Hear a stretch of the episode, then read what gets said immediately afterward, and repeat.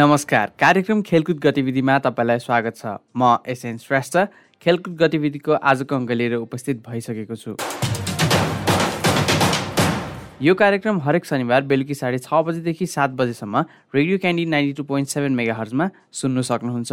साथै हाम्रो रेडियो क्यान्डिडको अफिसियल फेसबुक पेज हाम्रो रेडियोको website W W W dot radio Candid dot कममा र पोडकास्टमा समेत सुन्नु सक्नुहुन्छ।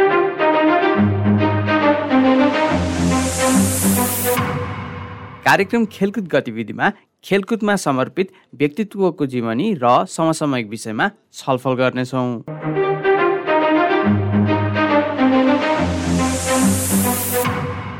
आजको अङ्कमा हामीले पोखरामा सम्पन्न भएको पाँचौँ नेपाल स्केटबोर्ड प्रतियोगिताको बारेमा नेपालमा स्केटिङ र स्केटबोर्डको सन्दर्भमा नेपाल स्केटिङ तथा स्केटबोर्डिङ सङ्घका अध्यक्ष अच्युत खनालसँग कुराकानी गर्दैछौँ। अच्युत खनालजी तपाईँलाई रेडियो क्यान्डिडको खेलकुद गतिविधिमा स्वागत छ। हजुर धन्यवाद। भर्खरै पोखरामा सम्पन्न भएको छ पाँचौँ राष्ट्रिय स्केटबोर्ड प्रतियोगिता। यो कस्तो भयो त?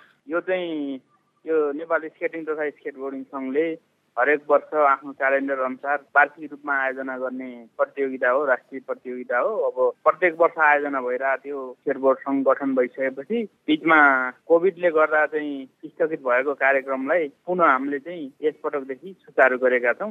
वृहत रूपमा चाहिँ सफल भएको छ। चौथौँ संस्करण भन्दा यो पाँचौँ संस्करणमा पार्टिसिपेन्ट्सको नम्बर चाहिँ कस्तो भयो त? यस्तो थियो हजुरको तेस्रो चौथो संस्करणको राष्ट्रिय प्रतियोगितामा चाहिँ यो स्केटबोर्ड खेलमा सहभागी हुने सहभागीहरूको सङ्ख्या चाहिँ थोरै कम भए पनि र यो पटक चाहिँ अत्यन्तै उत्साहजनक प्रतिस्पर्धीहरू यसमा चाहिँ सहभागी हुनुभएको थियो जसमा चाहिँ एक सय पचासजना सहभागीहरू फाइनलमा विभिन्न जिल्लाबाट छनौट भएर आउनुभएको थियो भने महिलातर्फ चाहिँ पचासजना स्केटरहरू चाहिँ विभिन्न जिल्लाहरूबाट चाहिँ छनौट भएर आए। स्केटबोर्ड स्केटिङलाई हामी अर्बन कल्चर अर्बन स्पोर्ट्सको रूपमा लिन्छौँ होइन? हजुर। नेपालमा चाहिँ कतिको क्रेज रहेछ त? अब यो स्केटबोर्ड खेल चाहिँ हजुरको इन्टरनेसनल लेभलमा चाहिँ यसको क्रेज चाहिँ अब एकदमै धेरै नै क्रेज पाइन्छ। अब नेपालमा नि यो चाहिँ बिस्तारै यसको क्रेज चाहिँ एकदमै वात्तै बढिसकेको छ किनभने अब यहाँहरूले नि अनुभव गर्नुभयो होला। हाम्रा स्ट्रिटतिर नि भाइ बहिनीहरू चाहिँ उल्लेख्य मात्रामा खेलिरहेको पाइन्छ होइन। अब यसलाई चाहिँ त्यही भएर यसलाई सरकारी स्तरबाटै चाहिँ प्रमोसन नै गरिरहेछौँ देशभरिमा। यो चाहिँ कस्तो भने ओलम्पिकमा पनि यसको सहभागिता चाहिँ नेपालको सम्भावना उच्च भएकोले यसलाई चाहिँ हामीले ओलम्पिकमा मेडल जित्ने हिसाबले चाहिँ हेरेका छौँ। खालि यो आफ्नै प्रतियोगिता आन्तरिक प्रतियोगिता मात्र नभएर यसले चाहिँ अन्तर्राष्ट्रिय प्रतियोगिताहरूबाट नेपालले अहिले पदकताको अवस्था भोगिरहेको उसलाई चाहिँ समस्यालाई चाहिँ यसले चाहिँ अन्तर्राष्ट्रिय प्रतियोगिताहरूबाट पदकको परिपूर्ति गर्ने प्लानका साथ अघि बढिरहेको छ। कुन चाहिँ उमेर समूहको खेलाडीहरू चाहिँ बढी यो हाम्रो स्केटिङमा स्केटबोर्डमा चाहिँ संलग्न छन् त? यस खेलमा चाहिँ विशेष गरी चाहिँ टिनेज प्रतिस्पर्धीहरू जस्तो हामीले चाहिँ स्कुल बेस चाहिँ स्केटबोर्ड प्रोग्रामहरू चाहिँ अहिले अगाडि बढाइरहेका छौँ। यसको चाहिँ खास फोकस नै पन्ध्रदेखि पच्चिस वर्षसम्मका युवाहरूको चाहिँ विशेष झुकाव देखिन्छ यस खेलमा। यहाँ अर्बन कल्चर अन्तर्गत चाहिँ यो उमेर समूहका भाइ बहिनीहरू चाहिँ एकदमै आकर्षित देखिन्छ यस खेलमा। हजुर यो जुन हाम्रो पाँचौँ नेसनल स्केटबोर्ड च्याम्पियनसिप भयो यसमा। हाम्रो सबैभन्दा कम उमेरको कति पार्टिसिपेन्ट थिए र सबैभन्दा एजेड कतिको पार्टिसिपेन्ट थिए त्यो पनि भनिदिनुहोस् न। हाम्रो एकदमै कम उमेरको भाइ बहिनीहरू चाहिँ बुटोलबाट आउनुभएको थियो। बुटो रूपन्देहीबाट त्यहाँबाट चाहिँ सबभन्दा कम उमेर समूहको चाहिँ नौ वर्षको हुनुहुन्थ्यो। भने सबभन्दा सबभन्दा अब एकदम हाई उमेरको तेइस वर्षको खेलाडी हुनुहुन्थ्यो। ए नौदेखि तेइससम्म खेलाडीहरू प्रतिस्पर्धा गर्नुभएको थियो। र उहाँहरूको आफ्नै उमेर आफ्नै क्याटेगोरीमा प्रतिस्पर्धा गर्नुभएको थियो। जुन। पहिलो पटक च्याम्पियनसिप अर्गनाइज गर्नुभयो र पाँचौँ पटक च्याम्पियनसिप अर्गनाइज गर्नुभयो यो दौरानमा चाहिँ कतिको हाम्रो सोसाइटीमा स्केटिङ प्रतिको चेन्ज महसुस गर्नुभएको छ त? अब यो चाहिँ पहिलोचोटि हामीले दुई हजार बहत्तर सालमा आयोजना गरेका थियौँ। प्रथम राष्ट्रिय स्केटबोर्ड प्रतियोगिता। त्यसमा चाहिँ हामीले धेरै खालका असहयोगहरूका बावजुद पनि त्यो प्रतियोगिता सम्पन्न गरेका थियौँ जस्तो त्यहीँ नेपाल सरकारकै खेलकुद मन्त्रालयमा राष्ट्रिय खेलकुद परिषदमा जाँदा कुन खेल हो यो के हो कसरी भन्ने एउटा खालका अनभिज्ञताहरू जस्तो पत्रकार मित्रहरूले नै त्यो खालको प्रश्न प्रतिप्रश्नहरू गरिरहनुहुन्थ्यो भने अहिले त्यहाँदेखि क्रमशः पाँचौँ यो राष्ट्रिय प्रतियोगितासम्म आइपुग्दा चाहिँ यस खेललाई चाहिँ माया गरेर सरकारी गैर सरकारी हाम्रा पत्रकार दाजुभाइ दिदीबहिनीहरूले चाहिँ जुन खालको यो हामीलाई उत्साह प्रदान गर्नुभएको छ यसले हामी चाहिँ धेरै नै उत्साहित भएका छौँ यो पटकदेखि। यसको ट्रेनिङको लागि यो खेल्नको लागि मात्रै पनि कतिको सहज कतिको एकदम असहज स्थिति छ त नेपालमा चाहिँ? हजुर स्केटबोर्ड खेल चाहिँ स्केट पार्कमा खेलिन्छ। विशेष गरी नेपालमा भर्खरै अन्तर्राष्ट्रिय सङ्घ संस्थाहरूको सहयोगमा गण्डकी प्रदेशको पोखरा रङ्गशालाभित्र तथा बुटोलमा तिलोत्तमा नगरपालिकाभित्र दुईटा स्केट पार्कहरू अहिले अन्तर्राष्ट्रिय सहयोगमा विभिन्न सङ्घ संस्थाहरूको सहयोग र सहकार्यमा चाहिँ दुईटा स्केट पार्क चाहिँ नेपालमा अहिले निर्माण गरिएको छ। यो एउटा चाहिँ तत्कालै काठमाडौँमा हामीलाई राष्ट्रिय खेलकुद परिषदले स्केट पार्क बनाउन चाहिँ जग्गा दिइसकेको छ। अब यसमा पनि अन्तर्राष्ट्रिय डोनर एजेन्सीले चाहिँ हामी एउटा स्केट पार्क काठमाडौँमा क्यापिटल नेपालको क्यापिटल सिटीमा नै बनाइदिन्छौँ भनेर प्रतिबद्धता जनाएको छ। यो सेप्टेम्बर अक्टोबर पछि कामै सुरु गर्ने गरी हामी अघि बढिरहेका छौँ।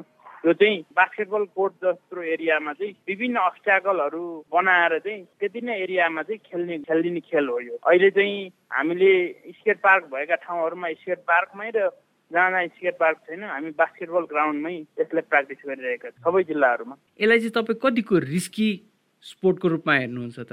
यो चाहिँ हजुरको यो एडभेन्चर स्पोर्ट्स अन्तर्गत चाहिँ यो चाहिँ एक्सन स्पोर्ट्स पनि हो यसलाई एक्सन एक्सन स्पोर्ट्स नि भनिन्छ। अब यो रिस्की भन्दा हामीले प्रिकसनहरू त्यसका चाहिँ ग्लोभ्स हेलमेटहरू लगाएर प्र्याक्टिस गरिने हुँदा चाहिँ यसमा त्यति धेरै रिस्क रिस्क त हेर्नुहोस् अब सबै कुरामा भइहाल्छ सबै हामी हिँड्दा पनि गाडी चलाउँदा बाइक चलाउँदा सबै सबै चिजमा रिस्क छ त्यही भएर सेक्युरिटी प्रिकसन लिएपछि यसमा रिस्क भन्ने कुरा त्यस्तो हुँदैन केही पनि। आर्थिक रूपमा हेर्ने हो भने कस्तो क्याटेगोरीको स्पोर्ट्समा लिनुहुन्छ त? यो अब आर्थिक रूपमा जस्तो अब हाम्रो फुटबलमा क्रिकेटमा जस्तो खालका खर्चहरूमा गरिन्छ हामीले पनि स्केटबोर्ड खेल्न पनि सोही लेभलको इनिसियल कस्टमा चाहिँ यो खेल पनि खेल्न सकिनेछ यो चाहिँ धेरै खर्च लाग्ने खेल होइन यो। स्केटबोर्डमा बोर्ड किन्नुपर्ने हुन्छ। बोर्डलाई तपाईँको एभरेजमा पाँचदेखि पाँच हजारदेखि सात हजार पच्चिस सयसम्म पनि आउँछ। यसका भेरिएसनहरू हुन्छन् क्वालिटीहरू हुन्छन्। अब कुन क्वालिटीको तपाईँले स्केटबोर्ड किनेर खेल्नुहुन्छ भन्ने एउटा भेरिएसन मात्र हो। नभएदेखि चाहिँ यो चाहिँ अरू खेलहरू जस्तै समान इकोनोमिक खेल नै हो यो। मध्यम वर्गलाई अफोर्डेबल खेल हो।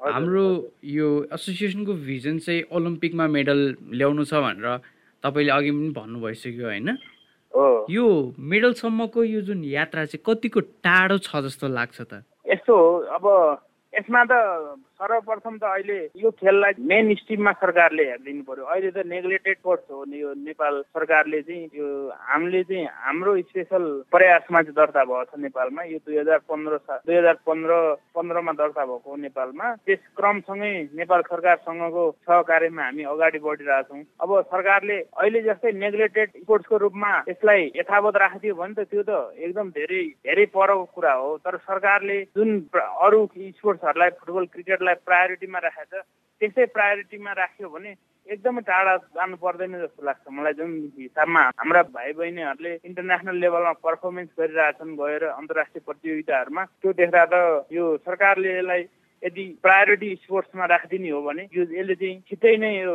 अहिले यो समस्याका रूपमा अन्तर्राष्ट्रिय पदकहरूको खडेरी अवस्थामा छ। नेपाल चाहिँ त्यसलाई परिपूर्ति गर्न चाहिँ यो स्केटबोर्ड खेल चाहिँ एउटा उदाहरण हुनेछ भन्ने प्रतिबद्धता जनाउन चाहन्छु म। इन्टरनेसनल लेभलमा चाहिँ हाम्रो खेलाडीहरूको पर्फर्मेन्स चाहिँ कस्तो भइरहेको छ? अहिले यो हाम्रो के छ भने हाम्रो यो Nepal skating and skate boarding association चाहिँ ओल्ड स्केट भन्ने स्विजरल्यान्डको लिजान स्थित अन्तर्राष्ट्रिय यो बडी हो यसको। यसको नेपाल पनि यो सदस्य राष्ट्र भएकोले हामीले यो ओल्ड स्केटले आयोजना गर्ने विभिन्न प्रतिस्पर्धाहरूमा भाइ बहिनीहरूलाई विदेश पठाइरहेको पोहोर साल पनि जुन भाइ बहिनीहरूले इन्डियामा गएर जुन खालको पर्फर्मेन्स गर्नुभयो हाम्रा खेलाडीहरूले first second second third India जस्तो देशमा त्यहाँ बङ्गलादेशबाट भुटानबाट श्रीलङ्काबाट स्केटरहरूको त्यो एसियन प्लेट च्याम्पियनसिपै भएको थियो त्यहाँ चाहिँ नेपालका भाइ बहिनीहरूले फर्स्ट सेकेन्ड दुइटै मेडल चाहिँ जितेर ल्याउनु भएको थियो। त्यसलाई हेर्दा नि साउथ एसियामा त हामी प्रथम स्थानमा छौँ नेपाल त। त्यसैलाई हेर्दा नै यसले चाहिँ सरकारले यसलाई ध्यान दिएर प्रायोरिटी स्पोर्ट्स हेर्ने हो भने यसले अन्तर्राष्ट्रिय पदकको यहाँ खडेरीलाई परिपूर्ति गर्छ भन्ने विश्वास हामीमा जागेको पार्टिसिपेन्ट्सहरूको लागि खर्च आउँछ।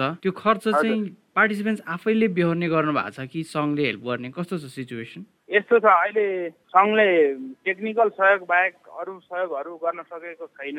वास्तवमा अब सङ्घ आफै चाहिँ स्ट्रगलिङ अवस्थामा रहेको हुँदा हामीले टेक्निकल पाटो मात्रै उहाँहरूलाई एक्सपोजर मात्रै गराइरहेको छौँ। अहिले हामीले चाहिँ विभिन्न ठाउँमा जस्तो स्कलरसिपै मागेर चाहिँ हामी प्रतिस्पर्धा गर्न अन्तर्राष्ट्रिय प्रतियोगिताहरूमा पठाइरहेको जस्तो त्यो नेपाल जस्तो अल्प विकसित देशहरूलाई चाहिँ प्रदान हुने छात्रवृत्तिहरू लिएर चाहिँ हामी बाहिर पठाउँछौँ एथलेटहरूलाई। इन्टरनेसनलमा त्यतिको राम्रो रिजल्ट ल्याउने भनेपछि त हाम्रो ट्रेनिङ पनि पक्कै राम्रो हुनु पर्यो। हाम्रो ट्रेनिङमा चाहिँ कस्तो खालको टेक्निक हामीले युज गर्ने गर्छौँ त?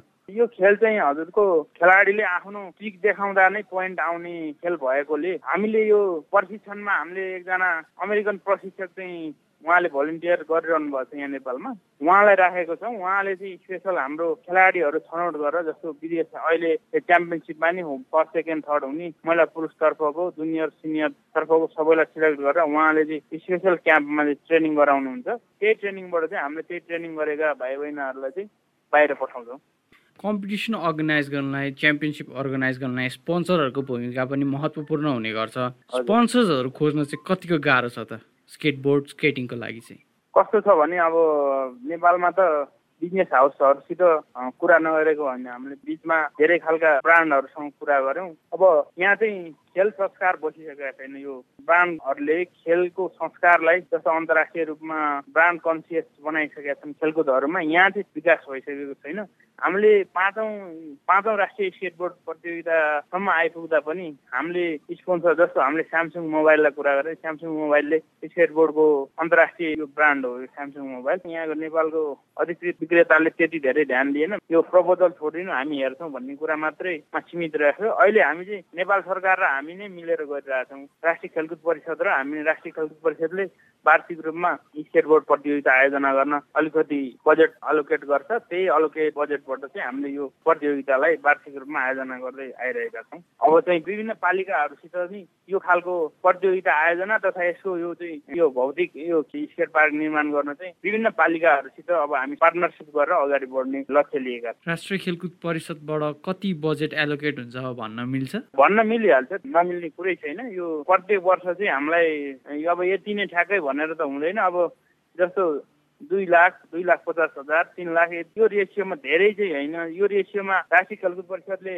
दिन्छ भने हाम्रा अन्तर्राष्ट्रिय स्पोन्सरहरू जस्तो हिडन स्पोन्सरहरू हुनुहुन्छ उहाँहरूले चाहिँ के भन्नुहुन्छ भने हामी यो खेललाई चाहिँ यो खालको सहयोग गर्छौँ भनेर जस्तो यो स्केटबोर्ड कम्युनिटी चाहिँ एकदम ठुलो छ विश्वभरि। अनि कसै न कसैले आएर चाहिँ यो यो आयोजना गर्नलाई हामी पनि पोजिटिभ छौँ भनेर त्यो खालको हुन्छ। अनि हाम्रो अन्तर्राष्ट्रिय महासङ्घबाट नि टेक्निकल सहयोगहरू मिल्छ। त्यसकै उत्प्रेरणाले गर्दा हामीले वार्षिक रूपमा चाहिँ यो स्केटबोर्ड प्रतियोगिता आयोजना गर्दै आइरहेका छौँ। यो स्केटिङ र स्केटबोर्डिङ भनेको दुईवटा फरक विधा हो।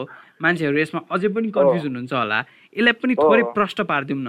अब यो स्केटिङभित्र नि धेरै विधाहरू छन् जस्तो तिन चार थरीको स्केटिङ आइस स्केटिङ भयो अनि फिगर स्केटिङ धेरै खालका स्केटिङहरू छन् त्यो भित्र।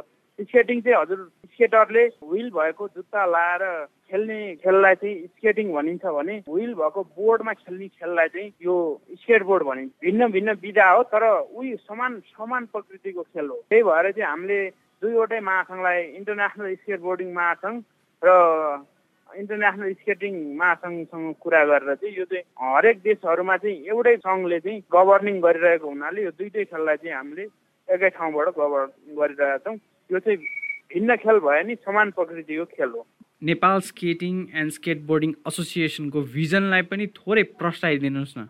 अब यसको मेन भिजन भनेको यो चाहिँ जुन चाहिँ छरिएर रहेका भाइ बहिनीहरूले अनअफिसियल रूपमा खेलिरहेको यो यस खेललाई चाहिँ यसलाई औपचारिक रूपमा सरकारको ध्यान केन्द्रित गराउनलाई एकजुट भएर विभिन्न जिल्लाको विभिन्न जिल्लाहरूको छाता सङ्गठनको रूपमा चाहिँ राष्ट्रिय खेलकुद परिषदमा दर्ता भएको यो छाता सङ्गठनको स्वरूप नै नेपाल स्केटिङ तथा स्केट बोर्डिङ सङ्घ हो। यसले चाहिँ देशभरि चाहिँ स्केटिङ तथा स्केट बोर्डिङ खेलको वकालत गर्ने एउटा अविच्छिन्नकारी संस्था हो यो।